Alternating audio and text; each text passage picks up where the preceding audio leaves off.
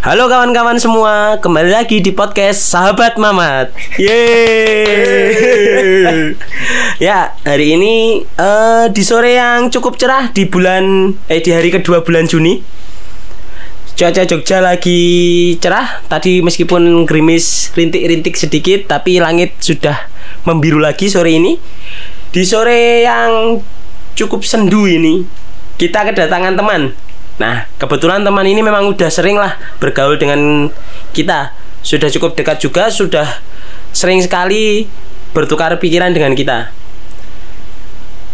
Dia adalah salah satu teman yang berbeda dari teman-teman kami yang lainnya.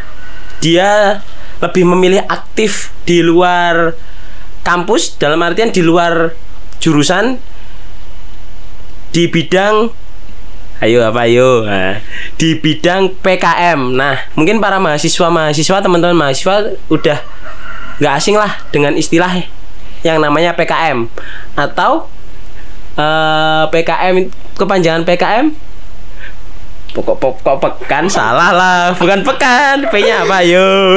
Program. P nya adalah program kreativitas mahasiswa. Nah teman kita sore ini dalam perbincangan di podcastnya Mamat hari ini adalah Mas Budi Yeay. Yeay. Halo Bud, apa kabar Bud? Alhamdulillah baik sekali Mas Ah. Bagas. Gimana skripsi pancar? waduh, waduh. Lancar setelah ini setelah libur dulu dua bulan. oh iya, gara-gara pandemi ya. Lancarnya dua bulan yang lalu. ya. Ah, ini Mas. Eh, mungkin teman-teman pendengar podcastnya Mamat ini kan ada berbagai kalangan nih. Ada yang mungkin akan jadi mahasiswa, sudah mahasiswa baru, mahasiswa pertengahan, mahasiswa tua. Mungkin banyak di antara mereka yang eh, sudah kenal dengan yang namanya PKM. Tapi perlulah kita coba eh, Mas Budi kenalkan lagi. Sebenarnya apa sih PKM itu? Nah, PKM itu sendiri sebenarnya program kreativitas mahasiswa itu sebenarnya ada lima bidang dan ada karya tulis. Nah, Dan satu lagi yang mulai dua tahun terakhir itu ada yaitu GFK. Nah, lima bidang itu sendiri ya biasa dibagi PKM PE, PKM PSH, PKMK, PKM M, PKM T. T. Mas Bagas malah. Dan Ayo. satu lagi PKM Ayo. Ayo PKM apa ayo? PKM PK, PKM PE, PSH, baleni baleni. K, KC, K, KC dan T. Nah, M. Ah, oh ya M. Nah kok lima bidang kok tapi ada enam bidang itu? Sebenarnya PKMP tapi dipecah jadi dua. PKMPE dan PKMPSH gitu. Terus PKMKT ada dua. Karya eh artikel ilmiah dan gagasan tertulis dan satu lagi GFK itu gagasan futuristik konstruktif Oh, gitu ya. iya Nah, itu banyak banget kan Mas ya jenis-jenisnya.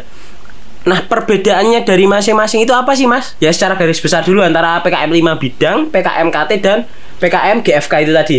oh kalau PKM lima bidang itu kita sebagai mahasiswa dituntut untuk melakukan sesuatu ada hasil yang bisa dicapai dan hasil Hmm. hasilnya itu hasil yang bisa dilihat Bisa dicapai, bisa, bisa dicapai dan bisa, dilihat. Nah, dalam jangka waktu per PKM-an dalam jangka waktu per PKM itu ya. Ya. Berarti dalam PKM itu ada jangka waktunya untuk Ada, merealisasikan. biasanya ya. Oke. Untuk yang PKM KT? untuk yang PKMKT itu biasanya cuma seperti artikel ilmiah terus sama gagasan tertulis itu kalau artikel ilmiah biasanya mahasiswa sudah melakukan penelitian terlebih dahulu terus baru melakukan penulisan seperti biasa kita mau submit paper seperti itu. Oh, kalau yang GFK? GFK itu kita mengucurkan ide dan gagasan kita untuk untuk suatu ide tersebut biasanya ada jangka waktu yang tidak bisa dicapai dalam perpkm biasanya. Oh. Biasa biasanya jangka 5 sampai 10 tahun atau lebih bahkan 50 tahun ke depan. Berarti itu lebih futuristik ya. Iya. GFK itu ibaratnya eh, apa idemu tapi kamu tuangkan. Oh iya. Nah, itu tapi kalau untuk GFK itu apakah memang dalam bentuk tulisan atau dalam bentuk video? Harus video gitu. Kalau kan sebenarnya kan itu ada GT dan GFK yang yang sebenarnya sangat mirip, cuma Hmm. outputnya saja yang berbeda. Kalau GT itu outputnya tertulis seperti ya biasa proposal terus tulisan intinya. Hmm. Kalau GFK itu outputnya adalah video tadi. Outputnya adalah video tadi. Iya. Nah, aku dengar-dengar dari beberapa temen juga kalau PKM itu ada sistem pembiayaannya, Mas. Nah, Iya. apakah di antara tiga bidang PKM ini semuanya dibiayai? Eh, untuk yang dibiayai itu PKM 5 bidang. Oh, PKM lima bidang ya? Ya. Yang tadi ya, yang PE, Ya. Karsa Cipta, PKM Teknologi, terus masyarakat, eh, pengabdian masyarakat, Masyarakat. sama kewirausahaan. Ya. Nah, yang dibiayai hanya itu. Lah nanti kalau untuk yang apa, yang KT dan yang GFK, apakah ada rewardnya juga? KT dan GFK itu ada rewardnya tapi setelah ini setelah Pimnas. Setelah Pimnas. Ya pada saat pengumuman Pimnas. Jadi kan kalau PKM 5 bidang itu ada tahapannya lagi setelah lolos didanai. Nah Hmm. itu nanti baru yang mahasiswa yang lolos di bidang 5 lima bidang itu baru mengerjakan eh project mereka masing-masing. Sedangkan kalau GT dan kawan-kawan itu mereka sudah menulis dulu pada waktu saat submit pertama kali, terus baru diumumkan pada saat Pimnas. Ah, itu, itu, itu. Berarti eh di Pimnas. Nah, ini Pimnas. Pimnas itu apa sih, Mas? Kan eh, juga mungkin ada yang belum tahu nih, Pimnas itu apa? Pimnas itu adalah ini. Perkumpulan eh kok perkumpulan aku? Saya sebenarnya lupa. Pekan pekan nah, saya saya googling dulu googling dulu. Lupa lupa lupa. Semacam Ya, itu- pertemuan, pertemuan ya? Per- ya Presentasi dari presentasi yang intinya finalis-finalis dari Hmm. PKM itu dikumpulkan jadi satu di suatu tempat Hmm. nanti diadu lagi di mereka gagasan mereka di depan juri, Dewan juri. nasional Nah, untuk yang bisa ikut Pimnas kalau yang lima bidang kan seperti yang kita tahu tadi harus melaksanakan nanti diverifikasi ya yang masuk apa yang ter- yang dianggap terbaik baru lolos Pimnas. Iya. Nah, untuk KT dan GFK ini apakah eh, yang yang berangkat Pimnas itu adalah semua yang lolos KT GFK ini atau hanya sebagian saja yang diundang ke Pimnas? untuk yang KT sama GFK sebenarnya itu yang AI yang artikel ilmiah itu tidak diundang ke Hmm. Pimnas jadi langsung dapat insentif Hmm. Tapi kalau yang GT dan GFK itu nanti diadu lagi Oh. di Pimnas melakukan presentasi sesuai ide dan gagasan mereka masing-masing. Berarti hanya yang AI ya? Iya, yang, itu. AI yang tidak diundang ke Pimnas. Syaratnya untuk ikut PKM apa sih, Mas? Gampang sih. Apa? Ini aja, yang penting punya ide, yang paling penting itu punya ide. nah, terus Terus punya rekan, rekan satu tim. Hmm. Untuk itu kan ide dan rekan. Nah, nah, ini kebanyakan dari kita pasti punya di bidang ide dan rekan ini kan pasti ada kendala nih. Pasti ada Iya. pertanyaan yang sering saya dengar itu bagaimana sih cari idenya? Bagaimana sih kita tahu bahwa ide kita itu cemerlang, ide kita bagus, ide kita itu patut untuk diikutkan timnas. Itu kayak gimana, Mas? Kalau masalah ide. Kan Mas Budi juga, oh ya, for your information guys, guys, pakai guys lagi. FYI wah. Mas Budi ini itu juga eh award nggak award ya apa ya eh, peraih medali perak ya peraih medali perak Pimnas di WNY nah, di Jogja Pimnas ke 30 30. Oh ya, Pimnas yang ke-30 di 31. Jogja 31 di Yogyakarta. Waktu itu venue-nya di UNY, jadi sebelah kampus kita sendiri. Gak jalan-jalan. Nah, medali eh, medali perak di bidang di PKM 5 bidang ke- di bidang kewira eh di bidang PKM Pengabdian pengabdian masyarakat. Nah, itu Mas. Bagaimana sih Mas dulu kok akhirnya punya ide yang bisa mengantarkan Mas bisa dapat eh, medali perak gitu. Bagaimana menentukan ide? Ya. Nah, waktu itu kalau yang yang saat yang dapat perak itu sebenarnya bukan ide dari saya. Hmm. Itu ide dari mbak-mbak, Hmm. mbak-mbak satu rekan tim dari anak kimia 2015 semua.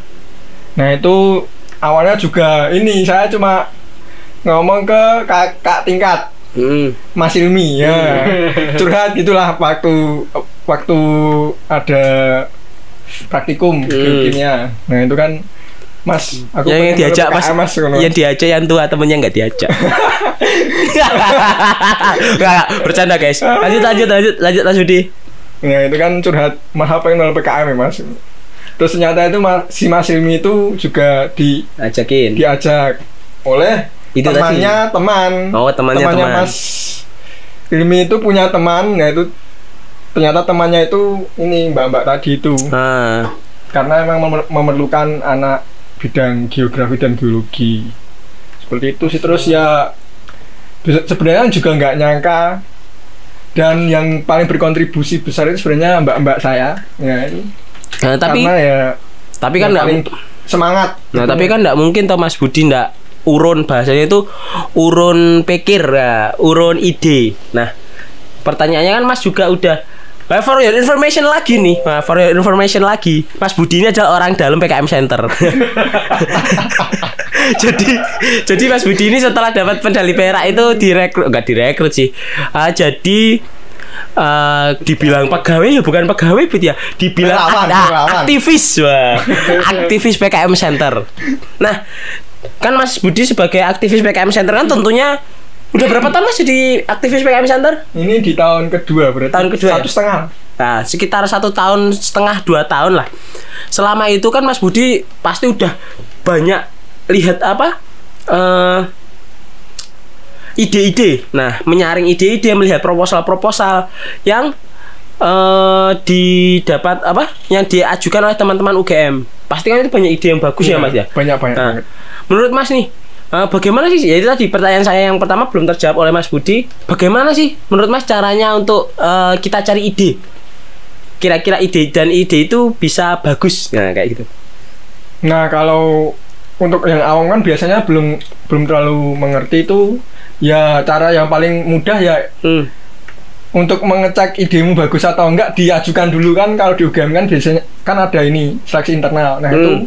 yang ngasih nilai itu kan juga dosen-dosen yang sudah berpengalaman di bidang PKM jadi beliau-beliau juri internal itu juga sudah tahu mana kriteria yang ini bagus dan mana yang tidak. Seperti itu paling paling mudahnya.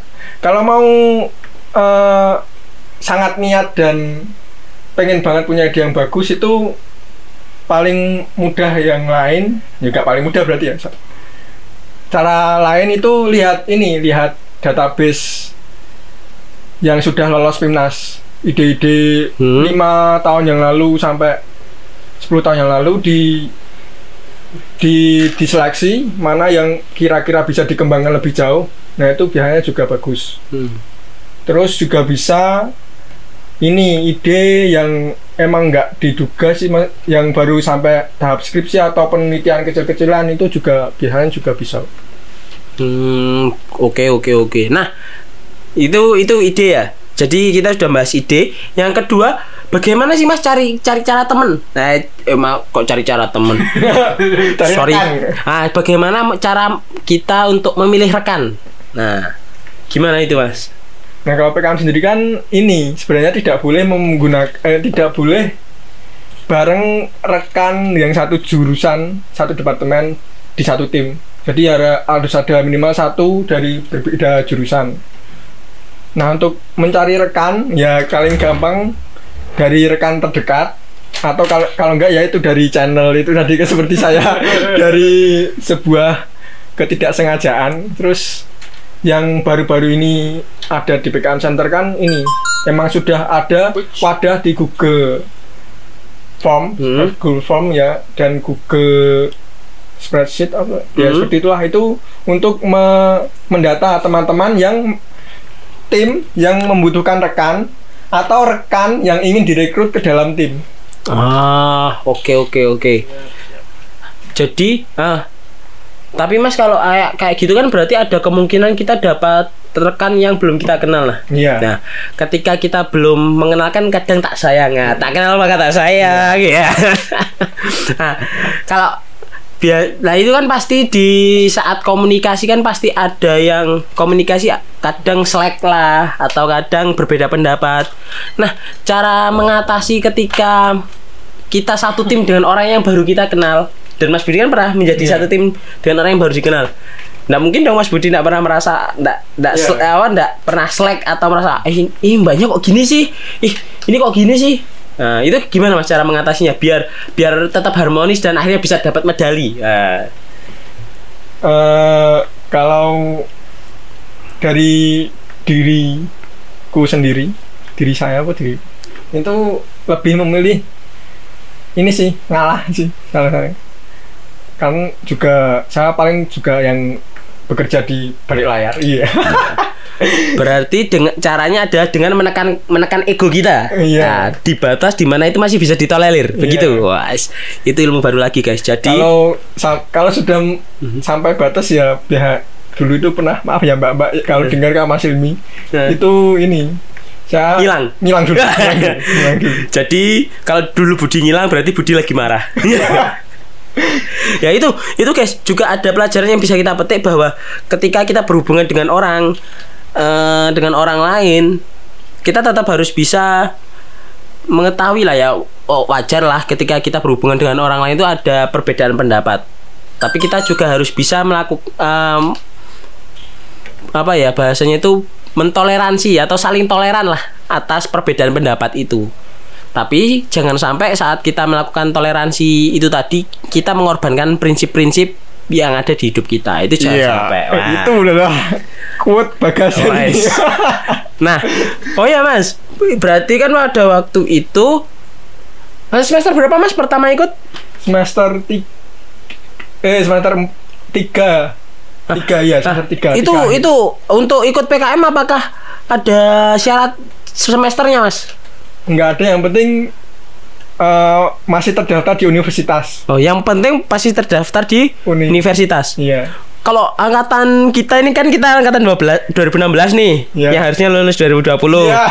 Meskipun kena Covid kan nggak tahu ya ini ya. Semoga 2020 tetap bisa lulus. amin Nah, kalau umpama nih naudzubillah min dalik mungkin kalau ada teman-teman kita yang pengen ikut PKM tapi di tahun 2021 dan dia bahasanya itu tinggal wisuda saja, apakah masih bisa kemungkinan? waduh kalau masih wisu tinggal wisuda kurang tahu ya udah Hmm. di wisu- yang yang nggak tahu juga sih Mungkin gara pokoknya belum yudisium ya. ya yang paling belum Yang penting belum yudisium ya mungkin ya. Oke. soalnya kan juga pas tahunku itu ada mas-mas dari eh, kedokteran hewan itu yang dia juga di tahun terakhir Hmm? Terus kan waktu pimnasnya itu itu dia presentasi terus dia wisuda Nah, Oh. pasti pas ada wisuda di UGM kan itu Hmm. itu masih boleh Masih boleh. Nah, apalagi ya yang mau tak tanyakan. Ah, ini nih, ini, ini.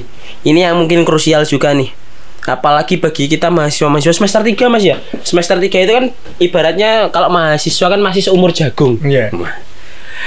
Pasti kita baru saja atau sedang menghadapi transisi dari kehidupan SMA yang senang-senang kayak kayak kehidupan cinta dan Rangga di, di ada apa dengan cinta ya. Wah. Masih senang-senang dengan teman-teman jalan-jalan. Hidup ke eh bertransisi ke kehidupan mahasiswa yang penuh tantangan. Nah iya. pernah nggak sih mas? Eh, di saat Mas Budi dulu aktif di PKM di PKM itu dalam saat pembuatan PKM otomatis kan tugas kuliah juga tetap ada. Apalagi Mas Budi sebagai mahasiswa teknik geologi yang sepengetahuan saya juga praktikumnya banyak. Ya kan Mas Aga juga Oh ya, iya iya. Saya lupa. Itu praktikumnya juga banyak.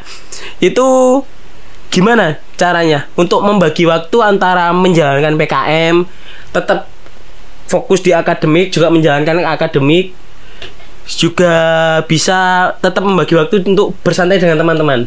Nah itu gimana mas? Tips and triknya, was.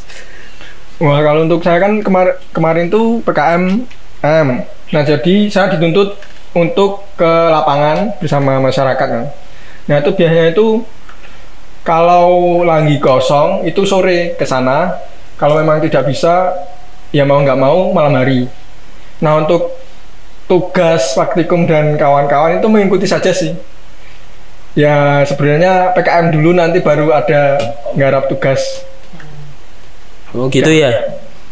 Eh, be- berarti selama Mas Budi mengerjakan PKM itu tetap mengerjakan tugas kuliah tapi memang dikerjakannya ya Bukan prioritas. wow ya Bukan, ya aku ada sih. Nah, di di malam hari ya biasanya ya Ya di malam hari atau waktu, ya. atau di menyempatkan waktu jadi membaginya itu memang antara PKM dan tugas ini memang harus berjalan beriringan ya nggak bisa salah satu ya Ya nggak bisa.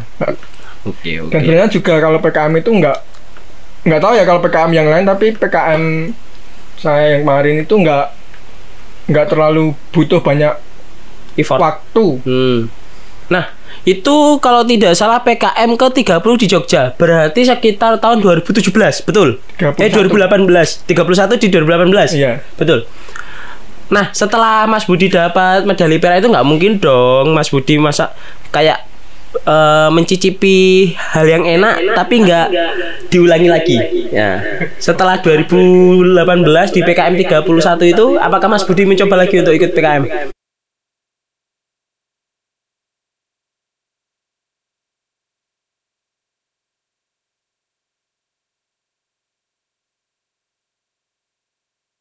Lagi mumet-mumetnya ya sudah akhirnya lost dulu aja.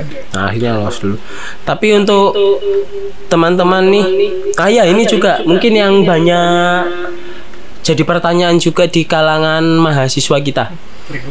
Eh, ini kan UGM punya 13 fakultas mas ya. Kalau tolong tolong kalau salah dikoreksi ya. 13 atau 16 ya? Aku lupa. Oh lebih ya saya 16 saya lupa. kayaknya, 16 fakultas ya kalau tidak salah.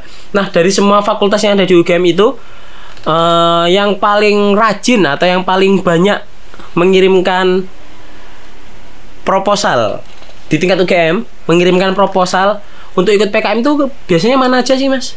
Kalau secara kuantitas nggak nggak nggak mema itu teknik paling Teknik. banyak biasanya. Satu Dan teknik Teknik dan sekolah vokasi itu satu dua satu dua. satu dua satu dua. Iya. Yang nomor tiga biasanya apa? Waduh, yang biasanya banyak lagi. eh, MIPA? MIPA lumayan tapi FKKMK? setahu nggak nggak terlalu banyak juga sih. FKKMK? KKMK kurang tahu. Farmasi? Farmasi banyak sekali yang yang 33 ini harusnya. Oh. Tapi karena di ada harus di cancel enggak di cancel sih, di di pending dulu Ya. sekarang. Nah, Gitu. ini ini ini yang juga jadi mungkin pertanyaan juga dari UGM nih Mas, kalau umpama kita berprestasi di PKM dapat reward apa sih dari UGM? Yang pasti dapat insentif sih. Dapat insentif. Iya, tapi harus mengajukan dulu di eh, cek IG-nya kreativitas saja biasanya ada. Oke. Saya juga nggak terlalu ngeh juga. Ah, Nah, untuk untuk untuk untuk teman-teman UGMers, guys. Nah, mahasiswa-mahasiswa UGM yang eh, tertarik untuk terjun atau menekuni bidang PKM, kalau mau lihat informasi-informasi PKM, ceknya ke mana sih, Mas? Informasi PKM Iya. itu bisa dilihat di PKM Center UGM kalau yang UGM ya. Ya, itu IG, Twitter IG apa? Ada yang paling aktif di IG. Ya. Kalau untuk yang lain itu cuma buat broadcast, broadcast biasanya. Oh, oke. Nah, mungkin ini pertanyaan terakhir nih, Mas. Pertanyaan terakhir. Wah sudah 24 menit. Oh iya. Kalau kita ngobrol nggak ada ininya, Mas. Apalagi ditambah kopi dan juga di tepi angkringan ya. Sayangnya tidak ada kopi. Wah, saya tidak ada kopi hari ini. ya mungkin tak rekaman selanjutnya produser kita bisa Iya, menyediakan kopi. harus itu. Oh ya. Tolong mat. Nah, eh di PK untuk PKM sendiri nih Mas ya. Seberapa menyarankannya sih Mas atau eh, seberapa besar sih eh, manfaat PKM ini untuk teman-teman mahasiswa? Kira-kira itu kayak gimana manfaatnya? Manfaat pertama yang paling dirasakan itu kalau sampai Pimnas dan dapat penghargaan itu eh, rasa semangatnya itu muncul. jadi pengen coba terus pengen coba terus itu yang pertama yang paling terus manfaat yang bisa dilihat lain itu kan juga nambah CV dan itu juga Hmm. menurut banyak dosen katanya eh prestisius itu Wah, terus? Per PKM itu prestisius untuk masuk ke dunia kerja maupun ke mau apply beasiswa baik di dalam negeri atau di luar negeri. Biasanya itu. Dan menurut dosa ada satu dosen dulu pas waktu lagi lagi penyuluhan penyuluhan PKM. PKM yang sudah bukan PKM yang sudah mau PIMNAS. Oh, yang mau PIMNAS. Yang PIMNAS itu katanya ya kalau sampai dapat itu nanti eh, kalau mau apply beasiswa S2 itu biar lebih mudah karena ya itu nanti proyekmu juga biasanya di ditanyakan pas waktu kamu mengajukan itu proyekmu di PKM itu masih jalan atau enggak? Kalau masih jalan itu sudah sampai mana? Sih. Jadi ya jarene itu memperbesar kemungkinan dapat lolos. Tapi juga saya juga belum pernah mencoba jadi ya nggak tahu. Yang penting itu sih nambah CV terus dapat insentif itu tadi. Itu ya? Itu itu adalah pertanyaan sejuta umat nah ini ada juga ta- pertanyaan titipan dari saudara produser Eh, apa sih? Ini pertanyaan terakhir ya. Dijawab dengan cepat. Mas Budi. Eh, apa sih? Eh apa sih? Waktu ikut PKM kan itu juga sibuk praktikum sibuk PKM nah ada nggak sih pengaruhnya kepada hubungan antar lawan jenis? Eh, Oh. Apakah dengan kita kita PKM itu kita ketika kita sudah punya pacar kita hubungan kita renggang dengan pacar kita atau dengan atau ketika belum punya pacar kita bisa dapat pacar di PKM? Nah itu kayak gimana mas? Kayak gimana? waktu itu kan saya ya itu saya punya pacar ya sekarang juga maksudnya kan dulu pas waktu masih didanai masih mengerjakan proyeknya itu nggak nggak ada masalah sih sebenarnya. Hmm. yang yang sedikit agak renggang dikit itu pas ini soalnya pas Akan Pimnas. pas akan Pimnas soalnya kan itu Intensif sekali. Intensif sekali, Pegang ya. Jarak. Iya, Oh, terus iya. itu ngepasi ini kan KL. Jadi Oh, kan iya, nggak nggak bisa bareng ya. terus ya udah. Terus Nah. ada libur juga kan Hmm. masih. Nah, itu tadi pertanyaan Wah, yang terakhir tadi, apakah Pimnas bisa jadi sarana kita cari jodoh? Iya. Ya itu tergantung niat masing-masing. Woi, tergantung niat masing-masing ya. Tapi kalau aku lihat selama ini ya yang yang jadi sih nggak ada sih. Belum ada, belum ada. Belum ada yang jadi. Aku ya? nggak tahu kalau yang dulu-dulu ya. Oh. Tapi kalau yang ini yang satu rekan terus jadi aku da- pernah dapat cerita juga pernah ada, Oh, ya. pernah ada. Satu rekan. Ya itu juga nggak perlu masuk PKM Center, yang penting rekanmu satu tim itu juga bisa jadi jodoh. Oh. Nah. Oke. Itu ya. eh jadi dari perbincangan kita sore ini kita paling tidak bisa mengenal lagi lah Ah, bisa lebih mengenal apa sih PKM itu bagaimana sih PKM itu eh, baga- eh, syarat-syarat PKM itu bagaimana untuk bisa ikut PKM nah mungkin Mas Budi aja yang ditambahkan untuk terakhir. Mungkin ada eh, semacam wejangan untuk adik-adik kita yang mendengarkan podcast ini nanti agar tidak takut mencoba untuk ikut PKM dan tidak takut ketinggalan akademiknya Nggak ada. adain dong se- Adain dong, tolong dong. Anda jangan ngelak dong. Masa ada gimmick kayak gini? Ayo. ini aja sih sebenarnya eh, mau atau tidak maunya adik dalam mencoba PKM itu ya pilihan adik-adik sendiri mungkin adik-adik punya eh, prioritas yang lebih yang lebih penting daripada itu tapi ya apa salahnya untuk mencoba PKM kalau sampai lolos didanai juga alhamdulillah proyekmu itu dapat dana tambahan dana. Dan apalagi kalau sampai PIMNAS itu dapat ya uang. Insentif ya. ya uang terus ada insentif dari UGM juga. Dapat nambah-nambah CV, nambah-nambah pengalaman juga. Kalau adik-adik juga sangat aktif di situ juga mau membantu adik-adik lainnya juga bisa masuk ke PKM Center atau memperluas eh, koneksi adik-adik sendiri lewat itu tadi timnas tadi berkenalan dengan dari univ lain terus adu ide atau berdiskusi dan lain sebagainya nanti kok ya semoga di masa depan akan eh, menimbulkan hal yang positif bagi diri sendiri atau orang di sekitar kita. Intinya sya- eh, kalau masuk kalau masuk kalau masuk kalau ikut PKM akan ada banyak keuntungan yang bisa teman-teman dapat atau pengalaman-pengalaman yang bis yang nggak mungkin kalian dapatkan dari eh, kegiatan yang lain. Nah, di penghujung podcast ini mungkin eh, sedikit saya akan menambahkan bahwa ketika kita ada sebuah kesempatan atau ketika kita semua se- mendapatkan sebuah kesempatan, paling tidak cobalah kesempatan itu. Nah, kita ambil kesempatan itu. Nanti mengenai bagaimana jalannya kesempatan itu, bagaimana pengaruhnya kesempatan itu kepada kehidupan kita, ya itu yang harus kita jalani. Jadi apa pun kesempatan yang ada, jangan lewatkan semua kesempatan itu. Ingat, selain kata-kata yang tidak bisa ditarik lagi adalah kesempatan yang tidak bisa datang kembali. Selamat sore, kurang lebihnya mohon maaf bos dari ini memang podcastnya Mamat sore hari ini. Terima kasih Mas Budi udah mau mengisi di podcastnya Mamat untuk sore hari ini. sama-sama bagas Terima kasih untuk para pendengar yang sudah setia mendengarkan podcastnya Mamat. Kurang lebihnya mohon maaf. Wassalamualaikum warahmatullahi wabarakatuh. Waalaikumsalam Selamat sore, sahabat Mamat. Schön.